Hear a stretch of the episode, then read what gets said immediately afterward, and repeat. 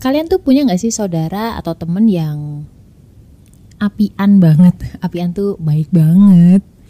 Kalau main ke sana tuh lu nggak usah khawatir tentang perasaan lo, merasa disakiti atau merasa gak nyaman. Plus ketambahan perut lo aman. Jadi disuguhin semuanya ya. Dari meja kursi enggak enggak bukan. Maksudnya disuguhin semua makanan yang dia punya. Bahkan ketika lu pulang nih masih di sangoni. Sangoni itu bahasa Indonesia-nya tuh kayak dibawain oleh-oleh. Nah.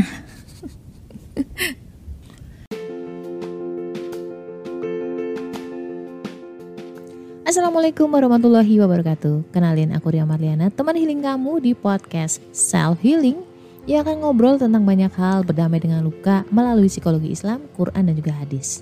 Dan kadang aku spill juga tentang karakter manusia berdasarkan golongan darah. Semoga bisa membantu kamu lebih relief. Gue punya gak cuma saudara tapi juga ada temen yang yang baik banget kayak gitu. Lu pasti mikir, ah mungkin karena kamu baik kali mbak. Enggak, sumpah. Serius, gue tuh jarang ngasih dia sesuatu. Seriusan. Bukan karena gue kaya atau terus mereka punya sesuatu atau ada agenda pribadi, agenda tersembunyi, enggak, enggak, karena aku enggak kaya. gue nggak kasih benefit apa pun di masa depan mereka, enggak, gue nggak punya jabatan, gue nggak punya kekayaan, jadi apa sih keuntungannya ngebantuin gue? Tapi memang setelah gue tilik-tilik gitu ya, gue telisik, ternyata memang watak mereka kayak gitu, sebaik itu memang. Bukan cuman ke gue, ke orang lain juga begitu. Jadi orang tuh seneng main ke sana, nyaman ke sana. Bahkan pernah ketika gue bener-bener yang kere banget, sehari tuh mungkin gue cuma dapat 20 ribu. waktu itu bener-bener nggak cukup untuk apa pun kecuali makan berempat udah ya. Di saat itu tuh bisa-bisanya dia ngirim gue pulsa, pulsa data, katanya gini, ini buat Ria biar bisa apply kerjaan. Waktu itu gue masih apply apply kerjaan, awal-awal resign dari bank mau ujian CPNS deh kayaknya. Kalau orangnya kaya, tajir gitu, aku mungkin gak akan sampai se wow ini gitu.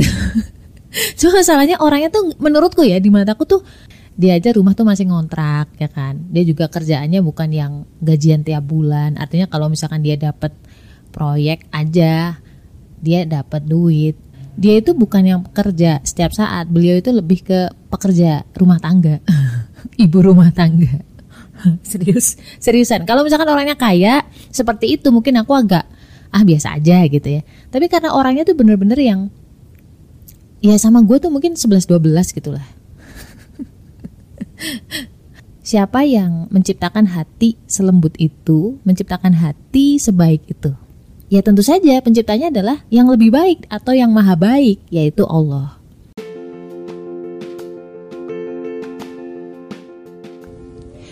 Aku golongan darah B. Kenapa ya? Aku itu suka ragu-ragu terhadap keputusan aku sendiri.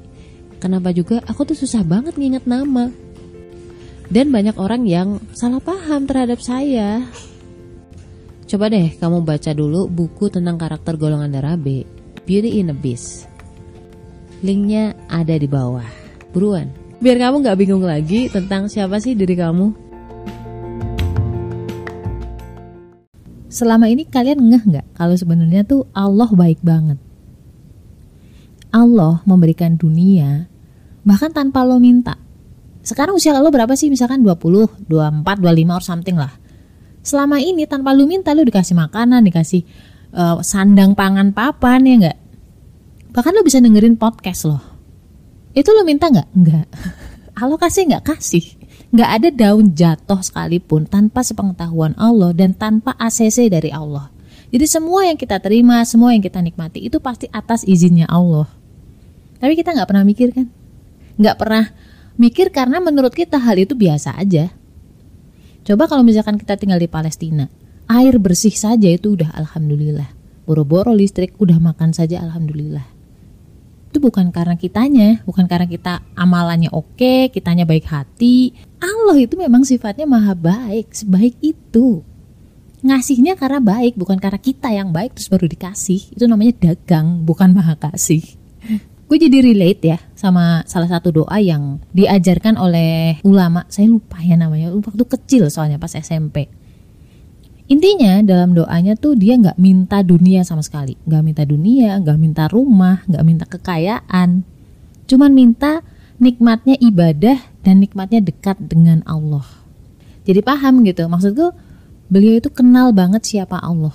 Nggak khawatir dunianya karena dia tahu itu udah dijamin sama Allah. Bakal dikasih kecukupan untuk cukup untuk kamu hidup di dunia lah. Ya Allah ngirim kita ke dunia nggak mungkin dong Allah nggak ngasih sangu ya kan? Ya kan logikanya gitu loh.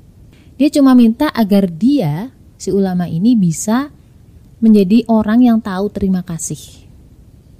Ini juga senada ketika Rasulullah ditanya sama Aisyah, Bunda Aisyah maksudnya. Ya Rasulullah, engkau kan sudah dijamin surga oleh Allah kenapa engkau masih sholat malam sampai kaki engkau bengkak gitu. Saking lamanya Rasulullah itu sujud atau ruku. Dan Rasulullah menjawab, tidak bolehkah saya menjadi hamba yang berterima kasih gitu. Karena Rasul paham betul gitu sifatnya Allah tuh sebaik itu sampai Rasul sendiri nggak enak gitu. Apa kabar kita hari ini yang kita datang ke Allah hanya sekedar ada maunya ya kan sholat sholat tahajud karena pengen nilainya bagus sholat tahajud karena pengen dapat kerjaan sedekah biar dapat tender dan macam-macam ada juga yang lebih nyebelin lagi adalah sholawat biar dapat cowok idaman. Aduh. Menurutku tuh receh banget gitu maksudku Allah itu jauh lebih baik dibanding semuanya itu. Ketika lu paham bahwa betapa nikmatnya deket sama Allah mau ada atau nggak ada dunia sebenarnya nggak masalah. Tapi Allah pasti akan kasih dunia kepada kamu yang deket sama Allah itu udah pasti. Allah maha baik kitanya aja yang belum tahu terima kasih.